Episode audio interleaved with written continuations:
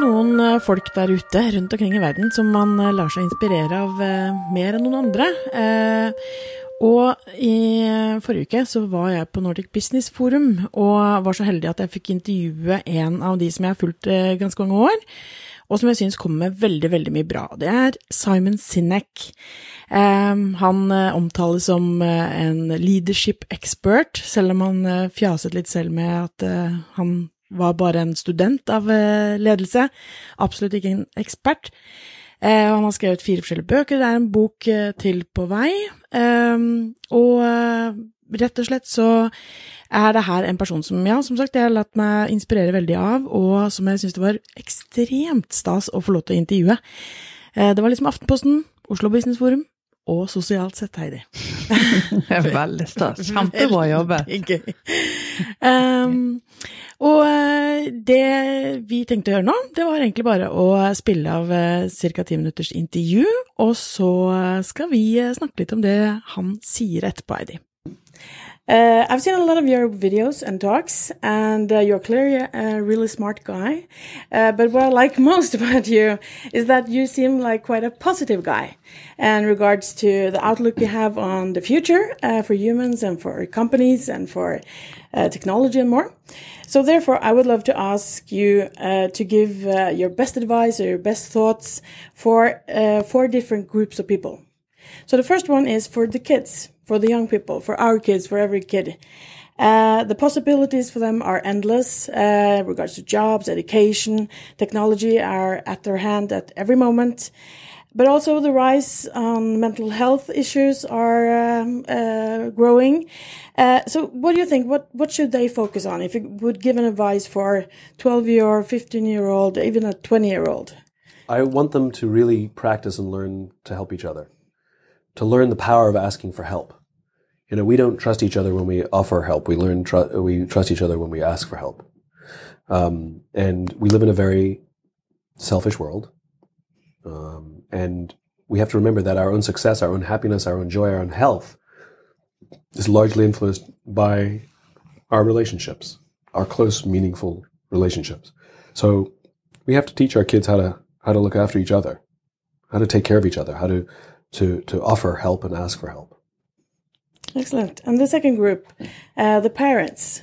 I think many parents feel quite exhausted nowadays. Uh, it's a lot to keep up with. Uh, technology changes so fast, and the kids are always ahead of us. And some parents feel that they need to be strict and they need to moderate the time, uh, what kind of games they play, and how much time they are on cell phones, such. Other parents feel that the children are the ones who make the best decisions for themselves.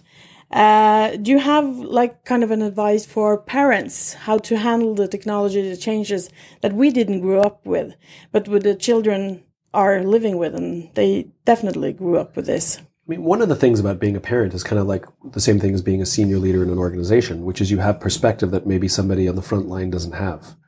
You know, we've all had it happen where we're worker bees and somebody makes a big decision and we say, why did they do that? And if we understand the perspective what they're what they're dealing with, we're like, oh, oh, that's fine, that's fine, it makes sense. Parents have a perspective on how life works and the challenges that the kids will face that a child doesn't have. So to think that a child always knows what's best for them is ridiculous. In some cases, absolutely. You know, like whether they should put a jacket on or not. You know, the rule there is don't force your kid to put on a jacket. If they go outside and they get cold, then they'll ask for a jacket. You know, um, they know what they know if they're cold or not. Um, but but they don't know about the dangers of social media and cell phones. To them, it's just fun. Uh, they don't know about the addictive qualities of cell phones and games and social media. They don't know how those things can actually hurt their ability to form deep, meaningful relationships later in life.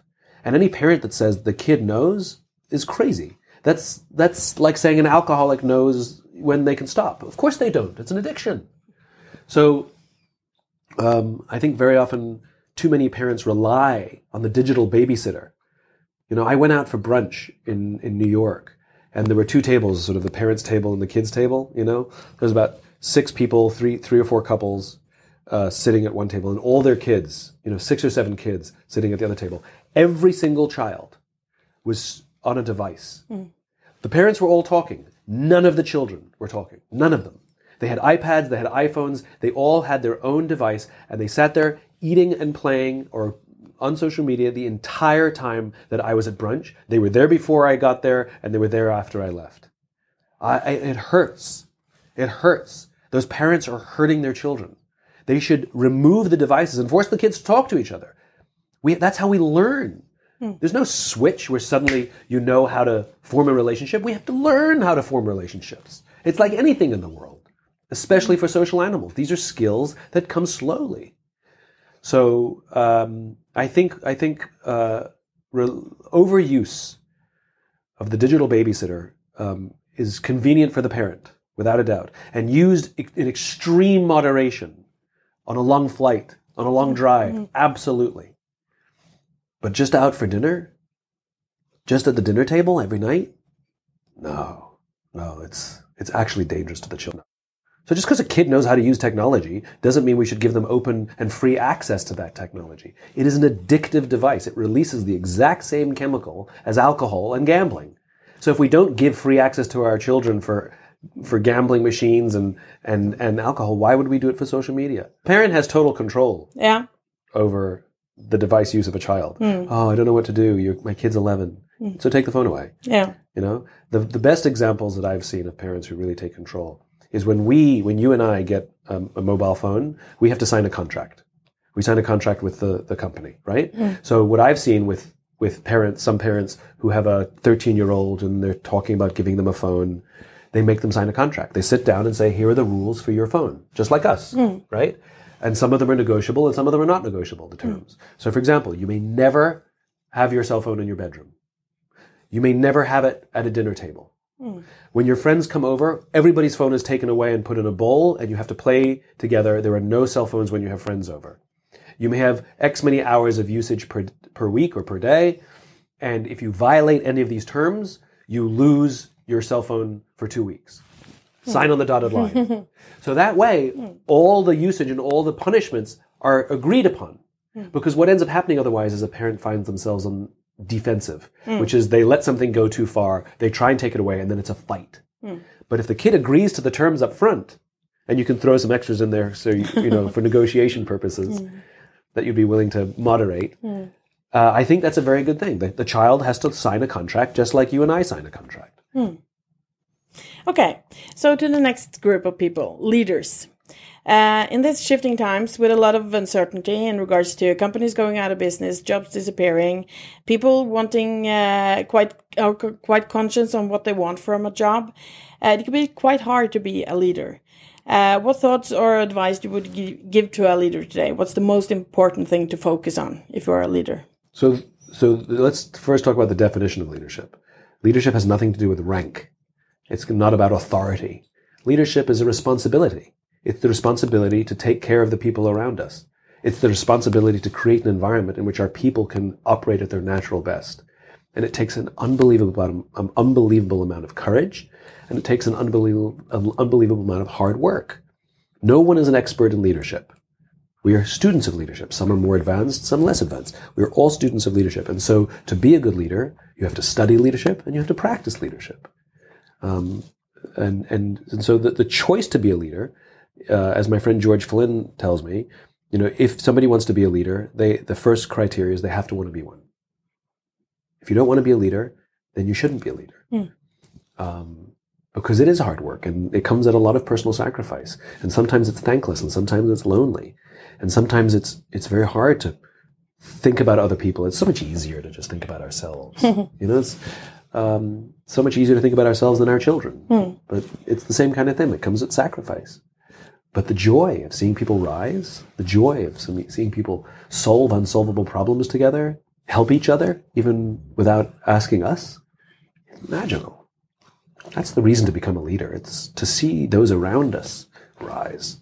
And in so doing, they lift our organizations and they lift us and they take care of us and they advance our vision.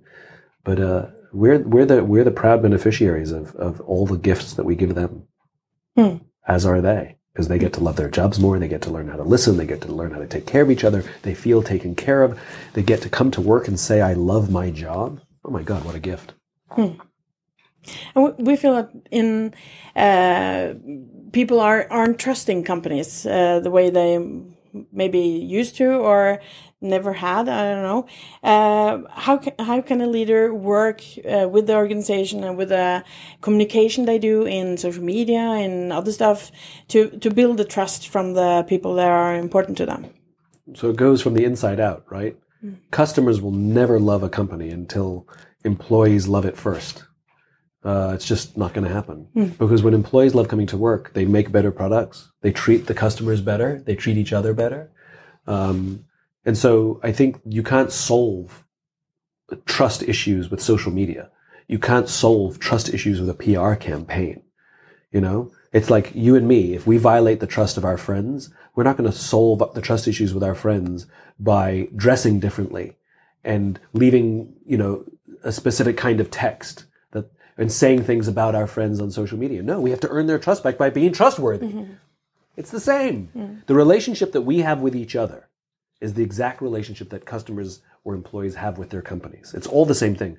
The reason you and I feel trust towards our friends is the exact same biology as the trust we feel to a company. Mm-hmm. So when we feel that a company would sacrifice their interests to protect us, in other words, maybe use a better ingredient because it's the right thing to do, then rather than a cheaper ingredient that's just made of chemicals, even though they could make higher margins because they can use the cheaper ingredient, but it's not good for our health, that they would choose to do that, mm. we take note. Mm. We take note of the sacrifices companies make for themselves, on themselves. And we also take note when companies use cheaper ingredients and cut corners and reduce the quality just so they can squeeze an extra kroner or two mm. out of their profit margins, but we're the ones who suffer. And the last group, uh, every man, every woman. Uh, you talk about uh, work fulfillment.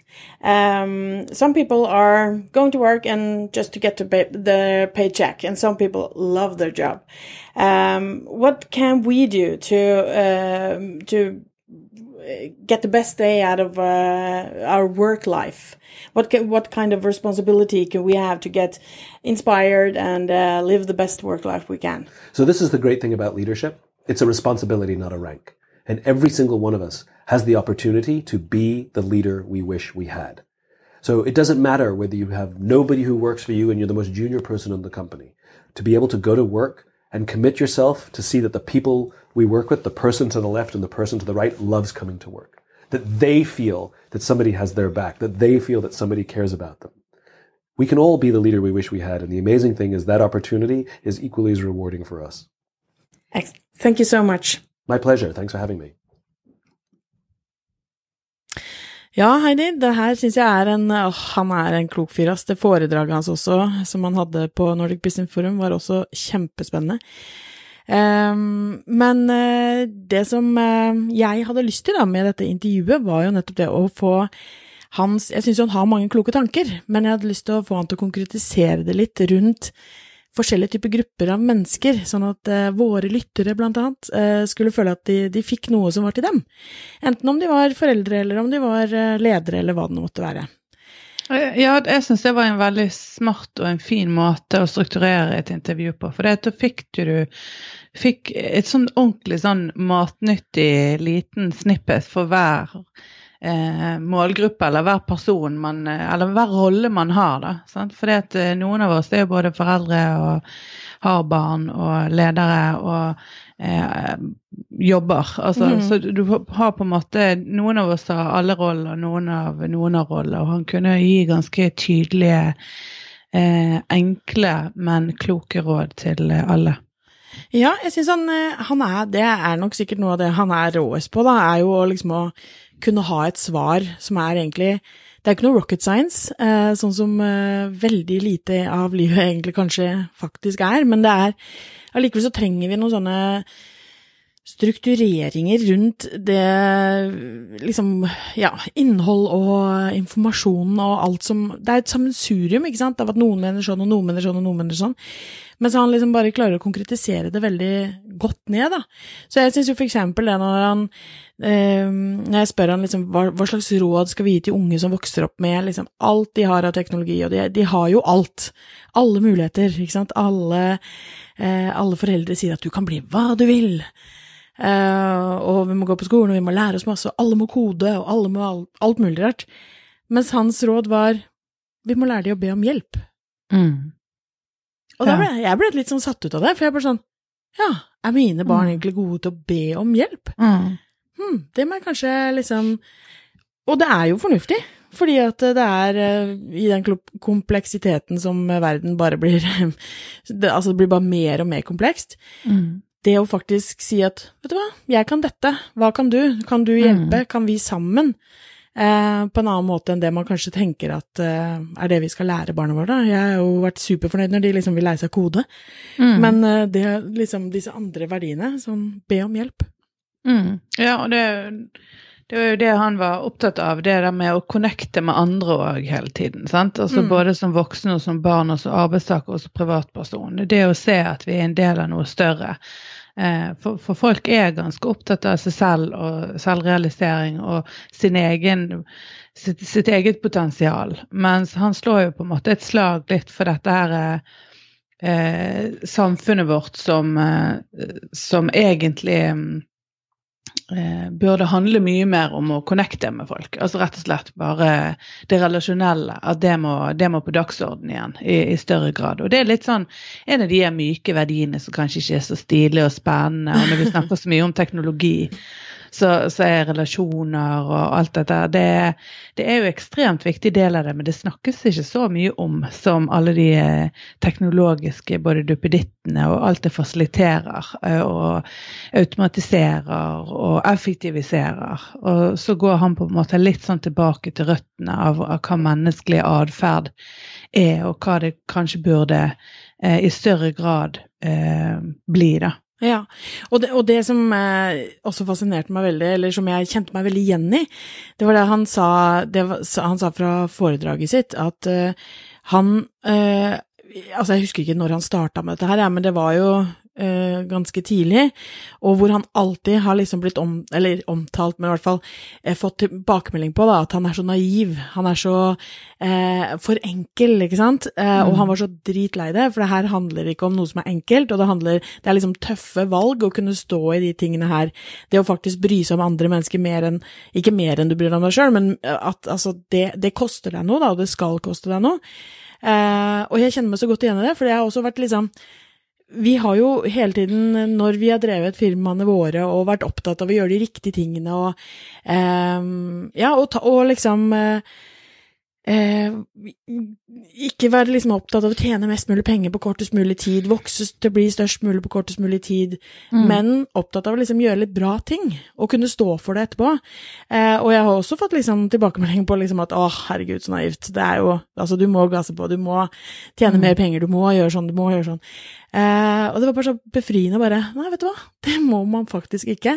Eh, de der myke verdiene, som han også eh, kommenterte i foredraget, at det er, det, vi burde slutte å kalle det det, liksom, for det handler ikke om Mm. det. Det er, en, det er bare et annet sett av noe som er eh, vel så viktig, for det jo, blir jo ofte oppfattet som at liksom cash is king, og eh, ja, bunnlinja er det som teller, og harde fakta, og ROI, ikke sant, hva er ROI?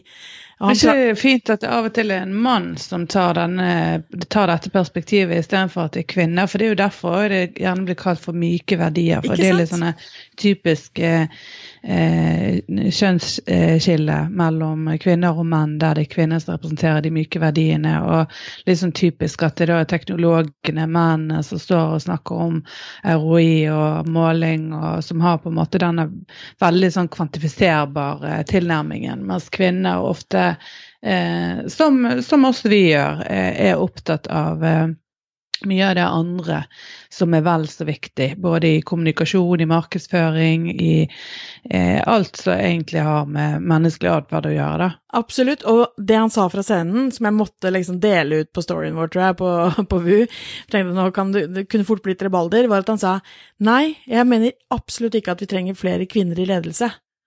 Eh, fordi at det har liksom vært en sånn greie at vi må ha flere kvinner inn i ledelsen. Og han bare nei, jeg mener absolutt ikke at vi trenger flere kvinner inn i ledelsen, men vi trenger flere av de tradisjonelt sett kvinnelige verdiene, som empati og omsorg og tålmodighet og ting som han trakk fram som ikke er bare kvinnelig, men som tradisjonelt sett oppfattes som kvinnelig. Vi trenger flere av de verdiene inn i ledelsen. Og så er det sånn at kvinner kanskje er uh, happens to be best at being a woman, uh, som han sa. Sånn det liksom, og det er jo litt det som er greia, at det er jo ikke liksom sånn at du må nødvendigvis være en kvinne for at du, du skal ha disse såkalte myke verdiene, men man trenger mer av disse perspektivene, som du sier at det er befriende at det er en mann som står og sier det. Mm. hadde det vært en dame, jeg vet ikke, hadde det blitt eh, nei, litt for naivt, litt for mykt, litt for koselig. Mm. Um, men det her var eh, Det var ingen i salen, eh, og her var det jo ikke bare kvinner i salen som satt og tenkte at dette var litt for koselig, liksom. Ikke i nærheten engang. Nei.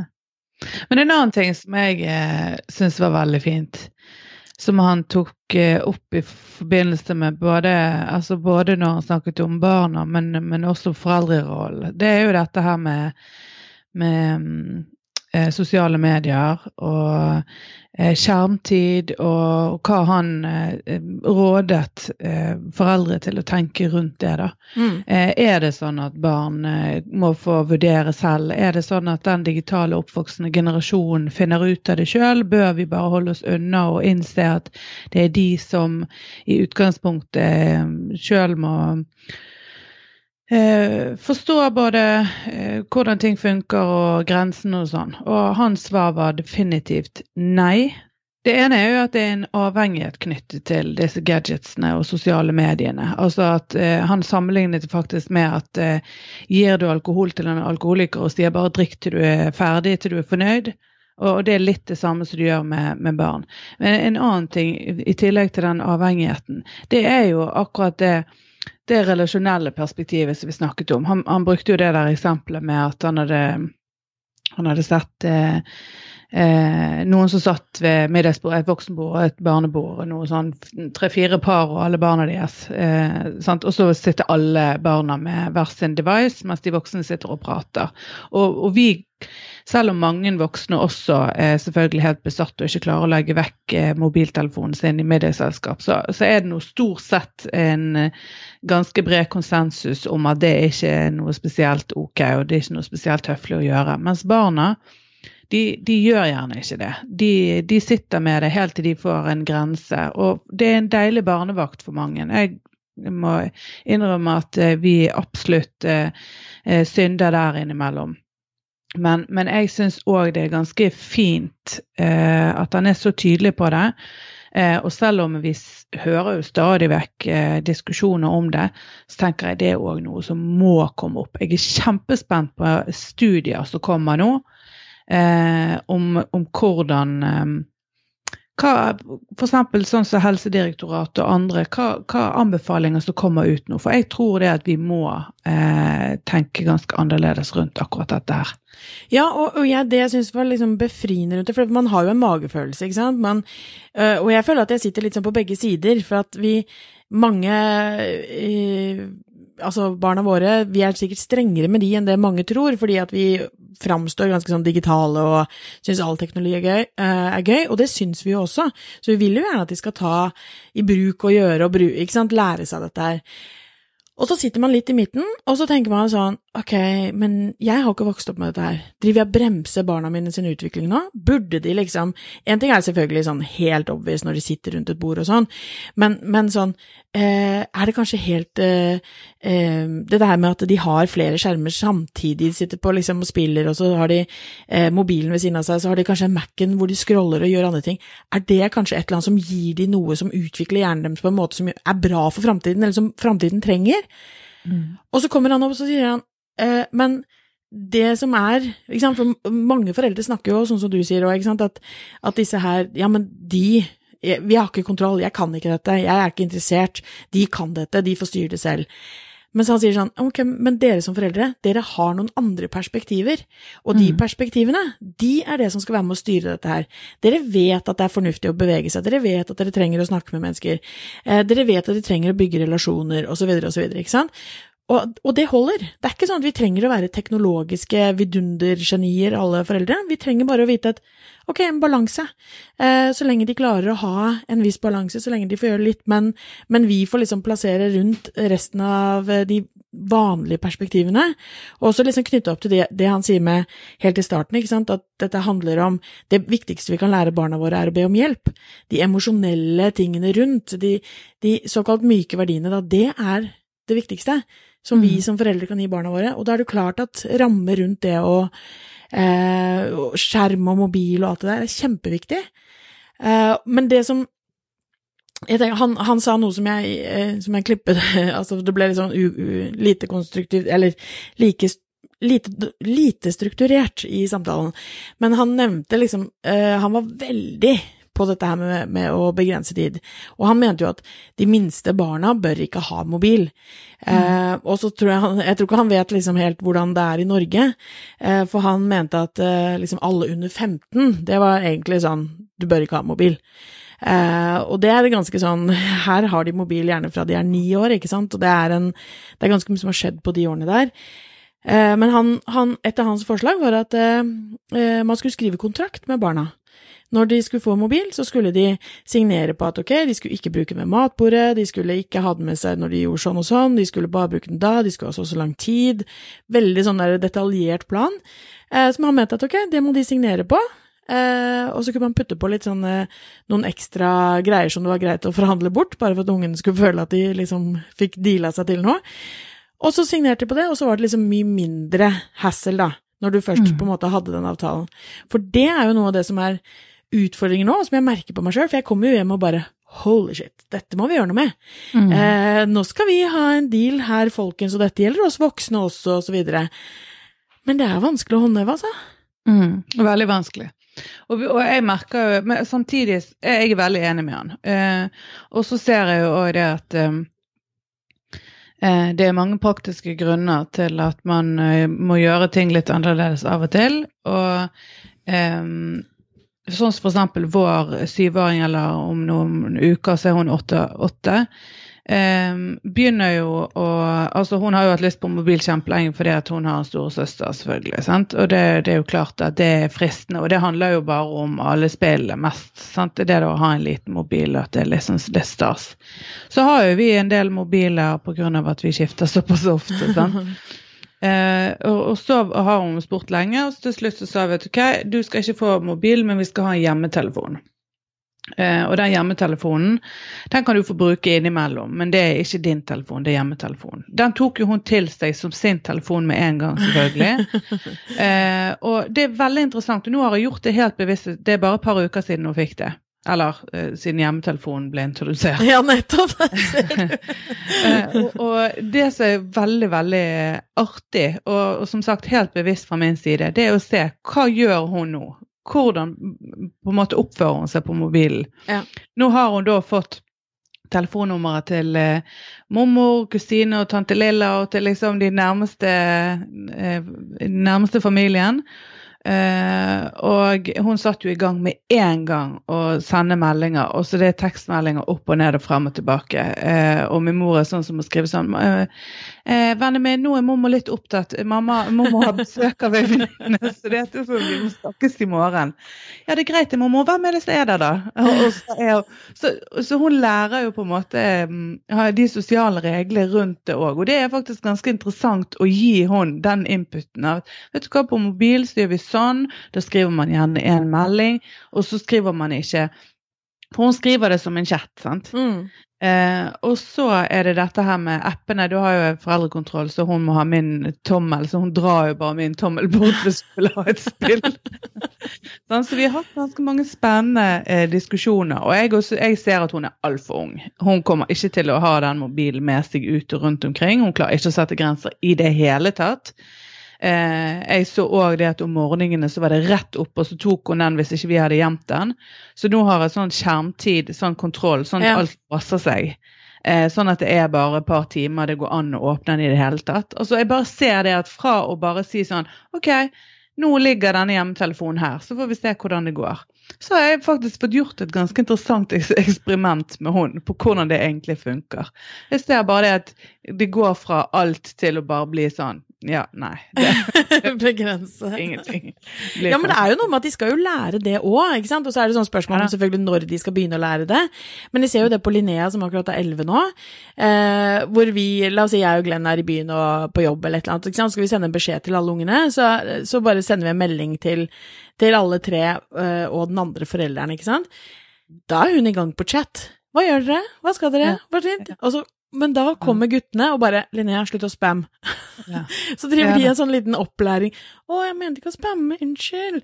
Ja. Så det er jo noe de skal lære også, hvordan Ok, men nå, nå på en måte plager du herme, hermetegn liksom tre-fire forskjellige andre mennesker her. Eh, da må vi porsjonere ut hvordan vi skriver. Er helt annerledes enn hvis du skriver én til én, osv. Så, videre. så det er Men, mye men jeg tror òg at det, det er jo Det er jeg, altså jeg tror rett og slett at vi overdriver verdien av at den nye digitale generasjonen skal få gjøre alt, for det, det lærer de i fremtiden. Jeg tror de kan lære enormt mye eh, om fremtiden, eh, eller å være rustet for fremtiden og teknologiske fremskritt og alt det som skjer, ved å ha en mye mer moderat bruk. Og det samme gjelder oss voksne. Vi trenger ikke å ha absolutt alt det nyeste hele tiden for å være up to date. Eh, og det er litt sånn enten-eller-debatt. Det er jo typisk sånn du har Mm. disse entusiastene som bare skal ha fri flyt, og så har du disse her eh, med sånn boks i gangen så alle mobilene skal oppi, i, på den andre siden. Og så er det liksom en sånn offline og online-krig. Det er egentlig en ganske eh, konstruert debatt, og så er lite hensiktsmessig. Jeg tror det, det viktigste er at for det første så er barn forskjellige, voksne forskjellige, ulike familier. Eh, det er forskjellig dynamikk, det er forskjellige livssituasjoner. Sant? Det er mange ting som spiller inn. Eh, jeg tror det at alle må være litt mer oppmerksom på hva dette gjør med den oppvoksende generasjonen. Og jeg er langt på vei enig med han at nå må vi ta en ordentlig diskusjon rundt det og sette kanskje enda mer grenser. Og tørre å sette grenser, eh, selv om kanskje ikke alle andre gjør det.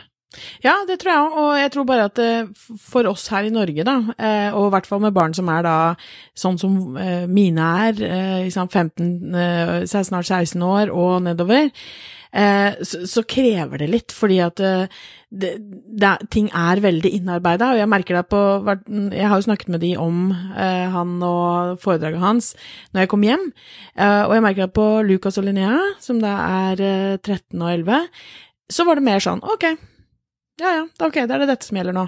Eh, mens på Noah så var det et, liksom et større sånn, det er mye mer integrert i livet hans. Ja, men dette, du tar liksom sosiale delen av livet mitt Eh, når han trodde at vi på en måte skulle eh, gjøre voldsomme dramatiske endringer, da, så var det ganske tøft. Eh, men, og jeg tror at, og jeg merker det på meg selv også, ikke sant? så vi er nødt til å gjøre ting eh, Altså bare rett og slett bli mer bevisst. Jeg tror det handler om balanse og være bevisst. Som du sier, folk er forskjellige, barn er forskjellige. Det er ikke en sånn svart-hvitt greie. Jeg tror man må finne sin, eh, sin gylne middelvei, men at man da eh, bare tar seg en sånn liten kikk i speilet. Eh, fordi at det er så lett å tenke at ja, ja, men jeg får ikke gjort noe, er, jeg er på jobb, og de kommer hjem fra skolen, jeg vet ikke hva de driver med. Jo, jo, det kan vi bestemme. Vi kan ordne, vi kan sørge for at internett ikke Mm. finnes akkurat i de Ja. timene, eller det er muligheter som gjør at vi kan håndtere det, men det koster oss noe. Og det var også Simon Mm. Sinek veldig opptatt av, at eh, det koster noe å være en bra leder, det koster noe Ja. å være en bra foreldre, det koster noe å være et bra medmenneske, og det skal koste noe, for det at det koster deg noe, er det som gjør, gir det verdi. Og det syns jeg var en sånn veldig ok, men det, det er greit, det skal koste oss noe, og det er det som kanskje gjør det bra til slutt.